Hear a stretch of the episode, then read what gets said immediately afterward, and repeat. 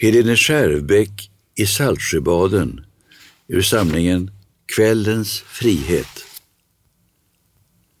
Hon lyfter penseln tvekande som om något fanns att lägga till.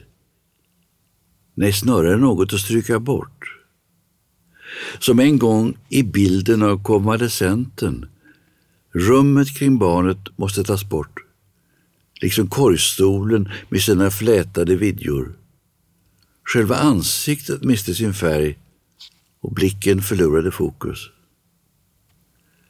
Så har åren därefter skrapats bort och landskapet långsamt förflyktigats. Också mor är borta. I denna exil är den verkande höften alltså följt med. Tvingades stryka den grönskande lönen som dolde det karga begreppet träd och ta bort det förmätna anletsdrag som hindrat själen att lysa igenom.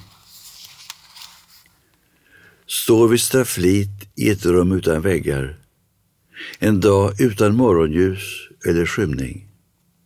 De mörka färgerna på paletten är tecknen strax före språkets slut.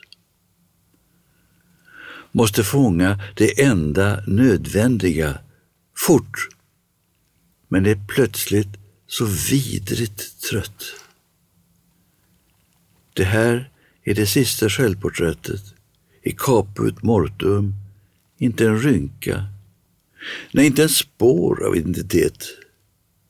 Det är en bild av den slutliga människan.